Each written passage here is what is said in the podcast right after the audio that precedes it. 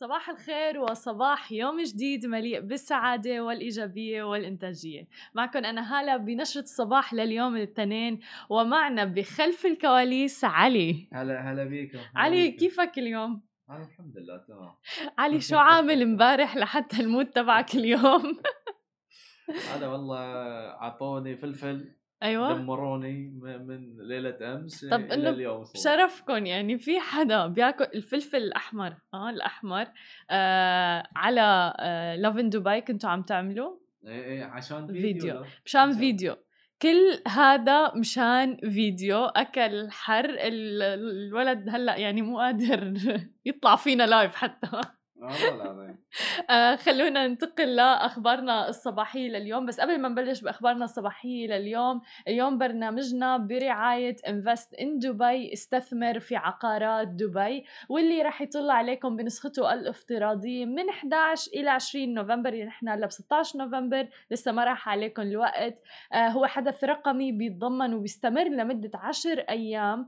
آه في مجموعة واسعة جدا من الأنشطة التفاعلية والمربحة واللي راح تكون بمثابة محفز لجذب المزيد من الاستثمارات في دبي. وبيشمل المعرض الرئيسي للاستثمار في دبي معرضا افتراضيا لأحدث المشاريع العقارية المحلية وورش عمل أيضا والمؤتمرات وفرص لل networking والتواصل مع الآخرين في هذا المجال. طبعا هذا كله رح يخلق فرص ضخمة جدا ومربحة في مختلف القطاعات.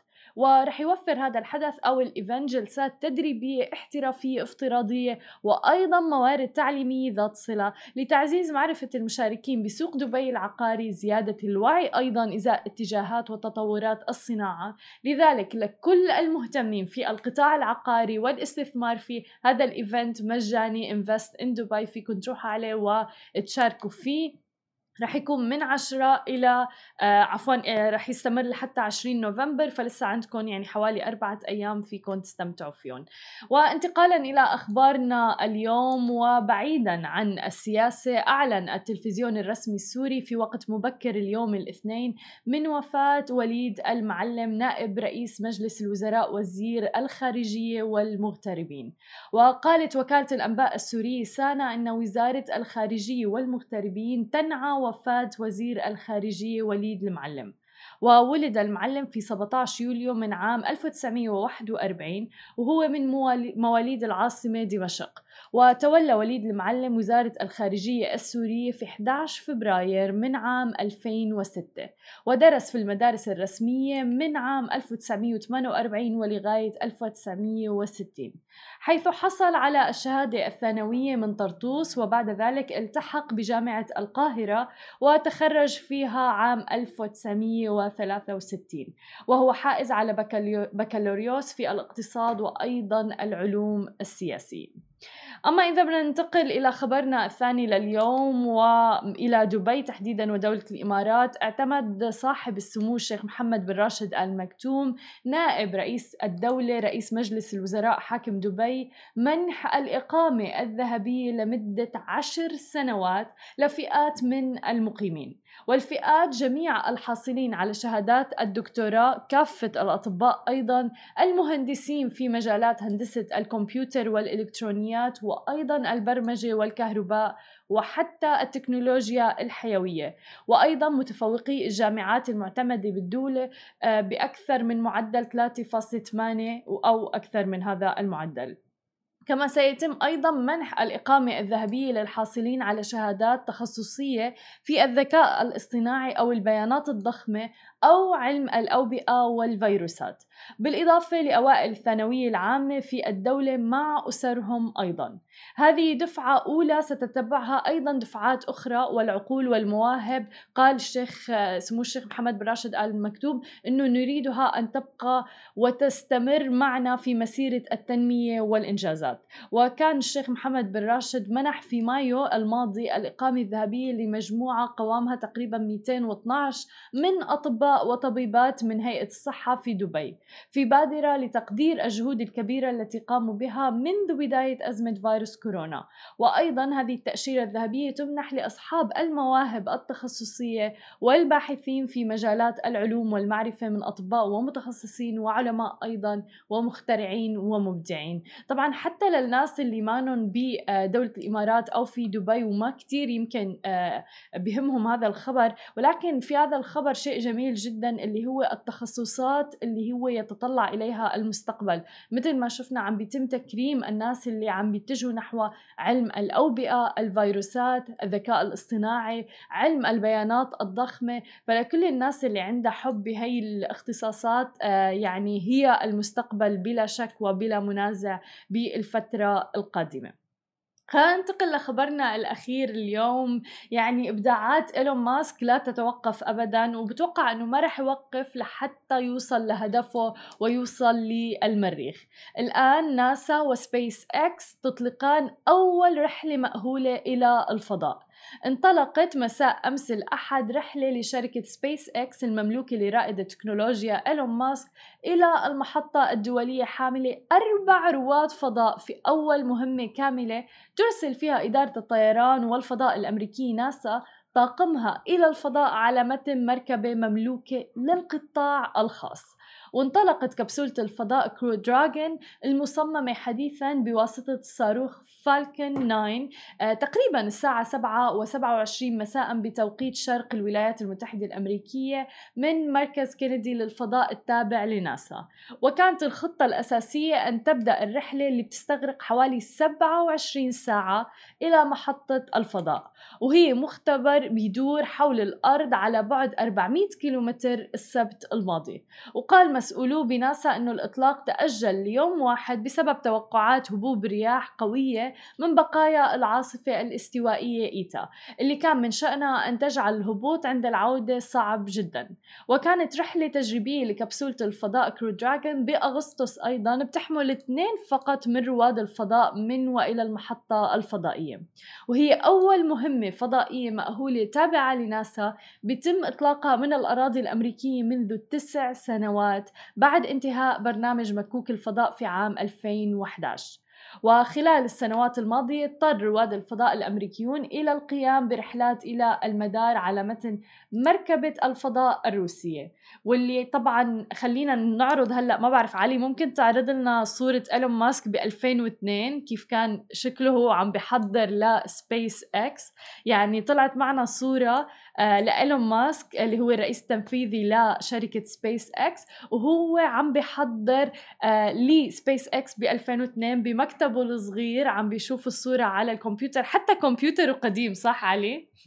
يعني ملفت جدا هذا الموضوع خلونا نعرض آه صورة الآن بعام عش آه يعني 2020 الآن آه لا صورة سبيس إكس. شوفوا وين وصلت. يعني عن جد وين كان إيلون ماسك؟ كانت مجرد صورة عم بيحضر لها بعام 2002 على الكمبيوتر تبعه بمكتب صغير. الآن بعام 2020 سبيس إكس مع ناسا عم بيطلعوا إلى الفضاء. يعني هذا دليل على إنه إذا شخص حط بباله شيء واشتغل عليه رح يوصل له مهما كانت الفكرة مجنونة. بحياتنا ما كنا نتوقع إنه شركة خاصة مملوكة لشخص تقدر إنها توصل للفضاء. إيلون ماسك أثبت عكس ذلك الآن. يعني طبعا إيلون ماسك لديه قوة كبيرة جدا الآن لأنه أبحاث الفضاء تقدر بمليارات الدولارات حول العالم. أنتم خبروني هل بتتوقعوا كنا عم نحكي قبل اللايف إنه هل فعلا تتوقعوا مثلا في حياة تانية آه، على كوكب تاني بالفضاء؟ علي شو رأيك بالموضوع؟ أنا أشوف إن ما في شيء مستحيل. طب هل تتوقع إنه في حياة تانية بالفضاء؟ يمكن بكوكب ثاني والله يقولوا المريخ. تتوقع؟ هل تتوقع في كائنات أخرى غير البشر؟ مثلا يعني كائنات ذكية موجودة على كوكب آخر؟ هو ما ما تقدر تقول كذي. يعني أنا أروح على مثلا الله خلق الله خلقنا إحنا. إيه. ليش ما يخلق؟ يعني شيء ثاني. حلو جميل. كان في ناس عم بتقلنا على اللايف إنه ما مقتنعين ابدا إنه أصلا في حدا وصل للفضاء. وصلنا انه كله فوتوشوب بما معنى. مو فوتوشوب أشكال يعني يعني أكثر من أكثر من بلاد أمريكا الصين روسيا, روسيا. صح. عرفتي؟ إيه. كلهم راحوا القمر يعني ما ما ما أعرف ما أعرف يعني يعني أنت من فريق الناس اللي مقتنعة بالموضوع. إي يعني في فيديوهات في إثبات في statistics آه، علوم. يعني وايد أشياء يعني تثبت إن راحوا الفضاء. يعني راح شوف في واحد عم بيقول لك علي لا يسولف. شكله مقتنع إنه آه إنه ما ما حدا راح على الفضاء يعني. أنت بس عليك إنه تبحث يعني ولا تشوف. يعني إذا تبي تقول إنه ما وصل الفضاء بس لأنك في بالك إنه ما وصل شيء مستحيل؟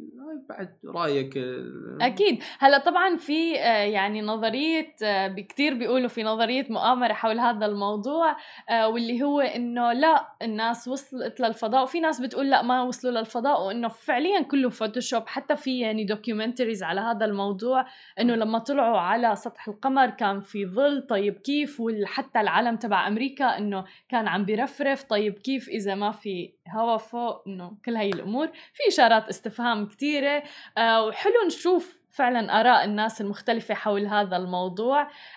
رح أترككم أنا مع مقابلة مع ال gamer طارق زياد لنحكي عن مسابقة ببجي من ريد بول الأردن. تابعوها وخليكم معنا وما تروحوا لبعيد.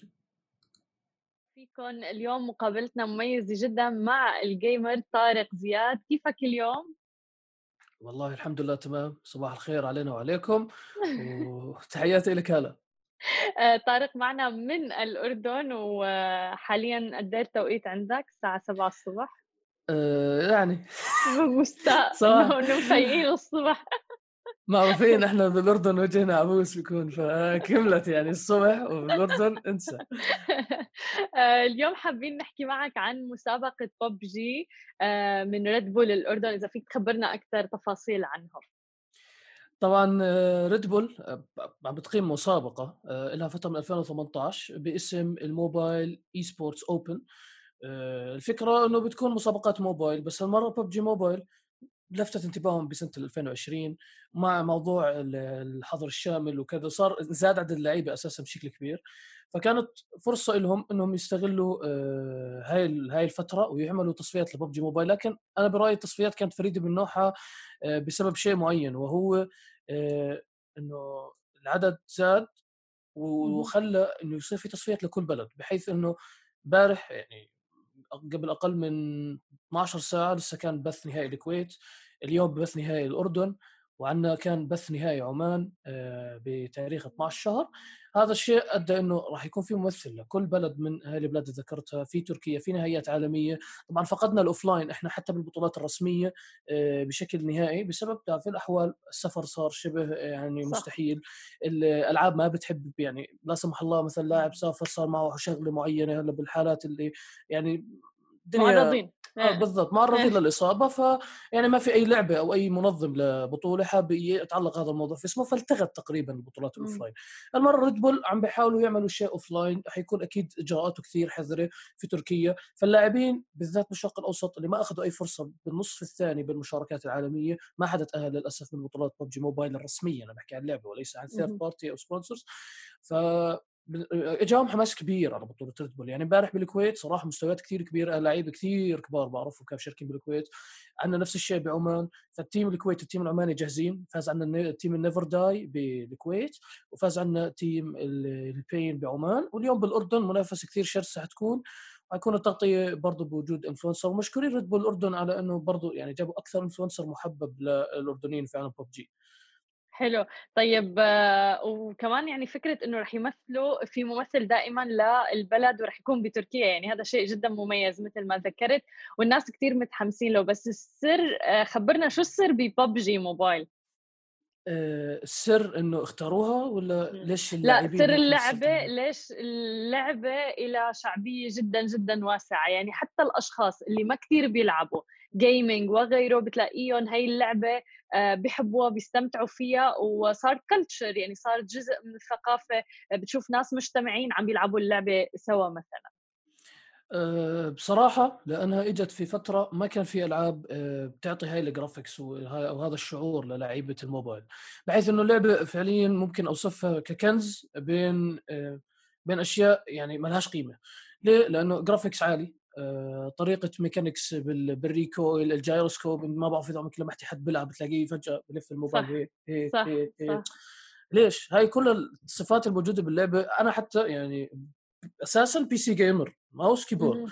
لما. شفت اللعبة كيف ال mechanics تبعتها على الموبايل أنا بطلت ألعبها على ال PC على طول وجهت اني العب. موبايل فإنه mechanics جديدة كاريزما جديدة باللعب الطريقة اللي بتواصل فيها مع اللاعبين المواصلة بالتحديثات مثلا بصراحة في عندك صفحة ببجي مينا official اللي هي مخصصة من الشركة الرسمية من يعني من من مطور اللعبة للعرب فقط. عندك فيها بيجي عندك بطولة لرمضان event ات لعيد الأضحى event ات مع ال influencers العرب وجوائز. حاليا كل شهر مخصصين 20 ألف دولار فقط جوائز للشرق الأوسط جميل. كبطولات.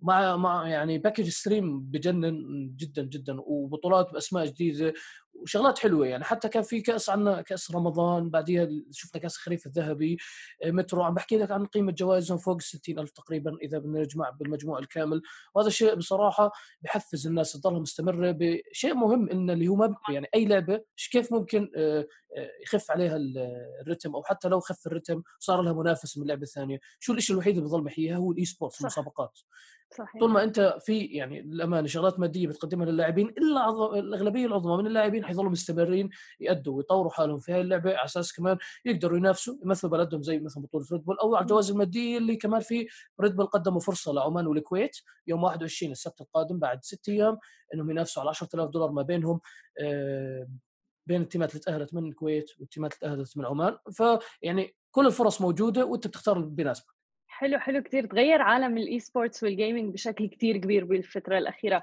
أنت شخصيا طارق قد إيه صار لك آه، بتلعب رسمي يعني رسمي إيه. آه، هلأ إذا بدايتي بدايتي أنا من إيه. الصف الأول كنت.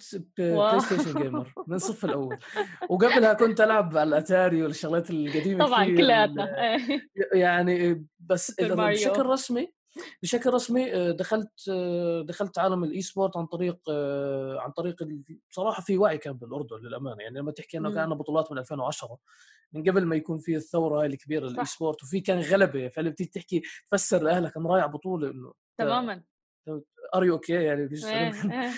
ووصلنا هالمرحلة تقريبا يعني ممكن تحكي كبداية انه بلشت أفوت بأجواء ال esport من 2010 لحد اليوم. الحمد لله ب 2018 قدرت يعني أكون في أول بطولة رسمية كمعلق كانت بطولة بتخص سي إس جو. ومن بعدها آه، دخلت أجواء ببجي موبايل. كنت في أول بطولة مقدمة للشرق الأوسط من تنسنت رسميا. وكانت برمضان. كانت Challenger Cup لل Middle East كانت على 50000 دولار. ومن بعدها الحمد لله يعني النهائيات العالمية التصفيات العربية آه، الكؤوس زي اللي حكيت لك عنها ال community cups. الحمد لله كنت موجود فيها ك آه، يعني ك broadcast بشكل عام تحليل تعليق تقديم للناس. ومعي أكيد كثير من الزملاء بشكرهم. يعني مش حابب أذكر اسم لأنهم كثار وكل الشكر لهم. آه، فمشوار حلو بال esport وبصراحة يعني أنا بالنسبة لي بحب هاي القصص بال esport إنه شوي بتعطي أمل للشباب اللي عم بتكون. حالها بال esport انه. في مستقبل في career في هذا المجال هل هو هذا الشيء الوحيد اللي بتعمله أو في عندك وظيفة أو بتعمل شيء على جنب آه، إذا عندي وظيفة ثانية آه، خارج التعليق والتحليل والاستوديو إيه. يعني أنا إيه. بحكي أنا إيه. قدام الكاميرا محلل معلق ورا الكاميرا بال esport آه، حاليا أنا منظم في منظمة أردنية اسمها فيت. esports الشغل الأساسي هون بالأردن وكنا طبعا قبل قبل الحجر مم. والأمور هاي مم. كان تنظيم ال event ات ال offline الحمد لله يعني قدرنا ننظم أكثر من إيفنت واح- أشياء مستوى محلي أشياء مستوى عالمي باستقبال لاعبين على اعلى طراز من آه، جميل. بعض الالعاب ال fighting games في تكن 7 كان عندنا الفيت masters بشهر 11 السنة الماضية كانت أول تجربة لي إني أنا أكون مسؤول عن استقبال يعني ناس صراحة مهمين مهمين جدا بال esport من اليابان من باكستان من كوريا. جميل. كان هذا شيء جدا حلو وصراحة كنت مبسوط منهم حتى من المعلقين الباكستانيين اللي إجوا كيف. عجبتهم أجواء بالبلد بالأردن. أنا بحب كثير إنه أورجيهم. في ناس ما كان عندهم الفكرة هاي بالاردن يعني طبعاً. إنه آه، حسيت إنه وصلت لهم فكرة مختلفة عن بلدي وكثير انبسطوا فيها وهم يعني من مختلف الثقافات. هاي شغلات كثير بحبها بمجال التنظيم. بمجال التنظيم المحلي برضه حاولنا إنه نوصل أحسن صورة لل esport بالنسبة للاعبين الأردنيين. عملنا لفيفا دوتا 2 ببجي موبايل وفي عندنا يعني مخططات إن شاء الله لسي إس جو وغيرها من الألعاب يعني ورجع أكيد لببجي موبايل. يعني في اهتمام صراحة برضو من المجتمع الأردني لكن للأمانة الدعم مقارنة بالاهتمام بالاردن قليل هو موجود بس نيجي الحقيقة هو قليل. إحنا بنحاول نبرز هذا الدعم بحيث إنه يعني نعمل اللي علينا وباستطاعتنا نستقبل أكبر أعداد ممكنة من التسجيلات عشان نقدر نعطي أكبر فرصة إنه الشباب تركز إنه يشوفوا شباب ال e-sport قدموا فيه وهي بالنسبة لمجالي الثاني. وطبعا أنا مخلص بكالوريوس محاسبة وما لا لي أي علاقة فيه. يعني هذا هذا اللي بدي إيه، هذا اللي بدي أسأله اللي هو إنه شفنا العديد من الشباب تحديدا بالفترة الأخيرة دارسين هندسة دارسين محاسبة business اللي هو ولكن حاطينه على جنب وعم بيشتغلوا وعن جد مركزين على مجال ال gaming ولكن اللي حابة يسلط الضوء عليه قد إيه أهمية مجال ال gaming اللي عم نشوفه حاليا قد إيه عم بيتغير. ما عاد الموضوع إنه مجرد الشباب عم بتضيع وقت باللعب لأنه هي كانت تقريبا الصورة النمطية اللي موجودة. تحديدا إنه الأهل مثل ما ذكرت إنه شو بدك تقول لأهلك إنك رايح تعمل بطولة مثلا gaming إنه أنت شو عم تحكي؟ هذا كله عم بيتغير. أنا عم شوف العديد وعملنا مقابلات أيضا مع العديد من ال gamers اللي عم بيكسبوا حتى مبالغ مادية ضخمة من قطاع ال gaming فأنت شو نصيحتك للي حابين يبلشوا بهذا المجال تحديدا هلأ بهالفترة؟ والله نصيحتي إنه آه، يعني يبلشوا على الساكت عشان الأهالي ما تبلش يعني تعطيهم معارضه قوية. في ناس ما بيقدر يصمد قدام المعارضة وهي طبيعة البشر. فإنه يبدأ على الساكت ما في إنه أي لفت انتباه يحاول ينظم وقته على أساس أهله كمان برضه يعني ما ما يصفي إنهم عندهم سبب مقنع إنه لا أنت. وقف. فيحاول هو قدر الإمكان. بعدين بس يبلش فعليا يكون في تأثير لها حياته من نواحي آه، بصراحة الأهل لما يشوفوا إنه الأمور تتحسن ماديا لنفس الإبن اللي عندهم يعني على طول بيكون في تقبل لأنهم بالنهاية هم بس بدهم يطمنوا عليك ويعرفوا إنه المستقبل حيكون بخير. فإنه بالبداية بدك تبلش على الساكت وبعدين شوي شوي تكبر وتصير تخبرهم على أساس هم يصيروا يعطوك مجال أكبر. ناحية لو طلبت منهم فجأة أنت غير ديكور الغرفة بقول لك ليش؟ بقول لهم أنا بفتح ستريم يقتنعوا إنه آه والله يعني في سبب مقنع. فهي بالبداية لازم تكون أنت يعني متحمل لوحدك الحمل كامل وبعدين شوي شوي بيكون الأهل متقبلين. أنا بالنسبة لي أهلي كثير متقبلين كانوا الموضوع لدرجة إنه أحيانا يكون عندي finals غيب عن ال finals واطلع سافر وعلق على البطولة وارجع أوه حلو حادث حديث يعني. حلو. أنا أهلي أهلي نوع مختلف تماما. حتى هلأ مين المستفيدين؟ إخواني الصغار إخواني الصغار طبعا. full gaming ولا حد بيحكي معهم وأنا كنت أتمنى هذا الشيء. لأنه مهدت أنت الطريق. بالضبط تماما حلو. طب وللي بده يبلش جديد حتى على الأمور التقنية بتشجعهم يبلشوا streaming على Twitch على وين يبلشوا مثلا؟ والله من ناحية شعبية إذا بده يجيب أرقام بده يتجه لمنصه الفيسبوك إذا بده أرقام. لكن منصة الفيسبوك يعني طبيعة ال community فيها آه، مش كله جاي يتابع في ناس جاي بس آه، تنغص عليك يومك بالشات. Twitch للأمانة الاحترافية فيه أكثر من المتابعين العدد أقل طبعا بس الاحترافية أه. كثير أعلى فيه. وفي عندنا منصات عربية كمان ممكن تبلش عليها البث وفي مساعدات منهم نفسهم يعني أصحاب المنصة المطورين بيجوا بيطمنوا عليك. كذا هذا الحكي ب Twitch وبفيسبوك مش موجود لأنه المنصات هيك كثير كبيرة والأرقام عليها كثير عالية. لكن إذا بدك تلجأ لموضوع الأرقام والارقام بالسريعة بدك يكون عندك نشاطات على الفيسبوك زائد منصة ثانية آه، مثلا بتعرفي بالأردن آه، تويتر عنا خفيف الاستعمال. يعني بيجي حدا يشوف آه، يعني بيشوف التويتر عنا ما عندنا استخدام لتويتر تلاقي عندنا لا نشاط أكبر على فيسبوك وإنستغرام. الخليج بالعكس تويتر إنستغرام وجديد فيسبوك بسبب طبعا وجود صناع المحتوى الكبار بالسعودية. آه ك PUBG Mobile حولوا يعملوا بث على الفيسبوك فصرت تلاقي جزء مثلا من آه شباب الخليج وشباب السعودية يكونوا موجودين في نطاق الفيسبوك. قبل ما كان كان الأغلبية على Twitch كان الأغلبية على اليوتيوب. هلا اليوتيوب صراحة هو الاقل حظا أنا شايف لأنه ما في كبرت منصة اليوتيوب إيه. كبرت منصة اليوتيوب ما يعني بتحس إنه الإدارة بطل عندها يعني اهتمام بصغار ال streamer صراحة. إنه خلص أنت بتنا... أنت هيك مجبر تنزل محتوى عندي إنه هو الفيديوهات تبعتك وال highlights وتجيب عندي viewership فبشوف هاي الشغلة صارت منتشرة بس بتوقع اليوتيوب ما راح يسكت يعني هي أكيد حيكون عنده حل منصة بهالحجم وقتها إذا اليوتيوب دخل بالمنافسة بطريقة ال Twitch وطريقه الفيسبوك إنه في partners وفي في إنهم آه يعني لهم معاملة خاصة. بتخيل اليوتيوب راح يرجع يعني يكون مكتسح الساحة برأيي لأنه هو هو الشيء الوحيد اللي بتفتح أي موبايل أي شيء تلاقيه عندك نازل. ف... تخيلوا اليوتيوب له له أثر كبير حيكون ب 2021 لأنه مستحيل يظل صامت على الحدث اللي بيصير وهو خارج اللعبة يعني. جميل جميل. كل الشكر لك طارق وعن جد شكرا لتسليط الضوء على هذا الموضوع. أعطاء حتى صورة جدا إيجابية لقطاع الجيمنج بمنطقتنا العربية تحديدا. الله يسعدك. هلا والحمد لله قدرنا نتم عن كل ميتك طبعا شباب انبعث له يومين آه، بسبب توقيت وبسبب إنه اليوم صار لازم نعمل عشان بطولة Red Bull عشان نخبركم عن البطولة. اليوم ال stream إن شاء الله حيكون الساعة 8 بتوقيت دبي الساعة 6 بتوقيت الأردن.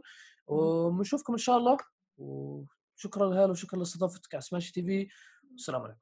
يا أهلا وإن شاء الله بنشوفك معنا قريبا ونهارك سعيد. مع السلامة.